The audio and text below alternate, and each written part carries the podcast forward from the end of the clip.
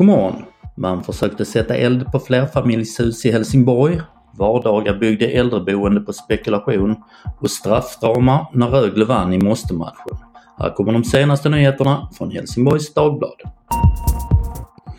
Polisen kunde under natten mot fredagen gripa en man som försökt starta en brand vid ett flerfamiljshus i centrala Helsingborg. Efter att ett vittne larmat kunde polisen kort därpå hitta den utpekade personen i nära anslutning till flerfamiljshuset. Branden visade sig däremot inte fått fäste och därefter självslocknat. Men en man i 40-årsåldern misstänks för försök till grov mordbrand. För något år sedan så stod tre privata äldreboenden klara i Helsingborg med totalt 200 platser hos vårdbolaget Vardaga. Men ännu så finns det inget fritt vårdval för äldreboende och alltså inga Vardagaboende i de tre husen.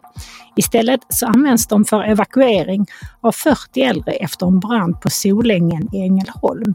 I Villa Öresund så bor ukrainska flyktingar sedan den 1 augusti 2022 och i Villa Maria så bor det 37 äldre helsingborgare på de 60 platserna. Det kommer behövas äldreomsorgsplatser i framtiden, men vad det blir med dessa hus är ännu oklart. Företaget konstaterar att byggnationen var igång innan det fria vårdvalet var genomfört. 2023 har varit ett dystert år när det gäller vandalisering av Landskronas busskurer. Rutorna har krossats, lagats och krossats igen. Norra Borstahusen har varit särskilt drabbat. Nu kameraövervakas två av hållplatserna där.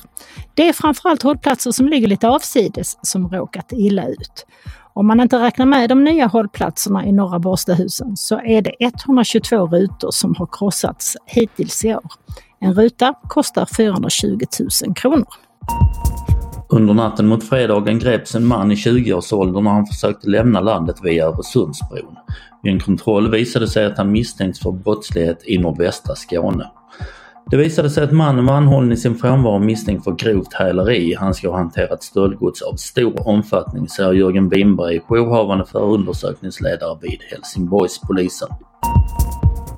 Också sport. Rögle vaknade sent i måste-matchen mot bottenkonkurrenten HV71 i omstarten.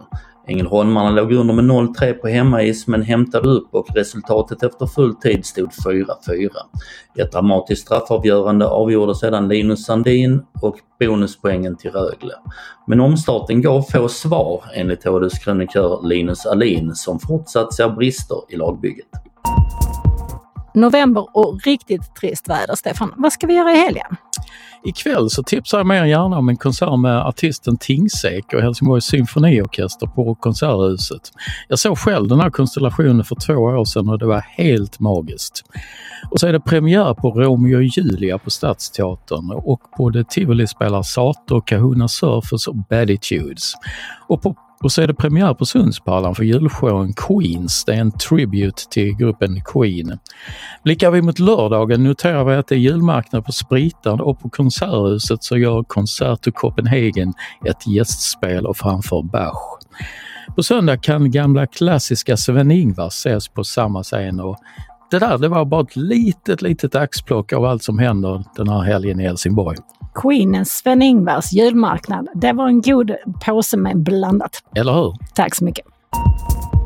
Vädret. Idag får vi en betydligt torrare dag än vad det var igår. Det kan komma regn mitt på dagen, men i huvudsak så blir det en grå dag med uppehåll. Temperaturen ligger mellan 2 och 3 grader och vinden blir måttlig från nordost.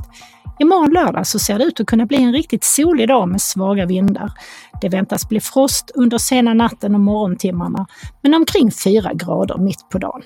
På söndag väntas det riktigt regniga och blåsiga vädret vara tillbaks igen.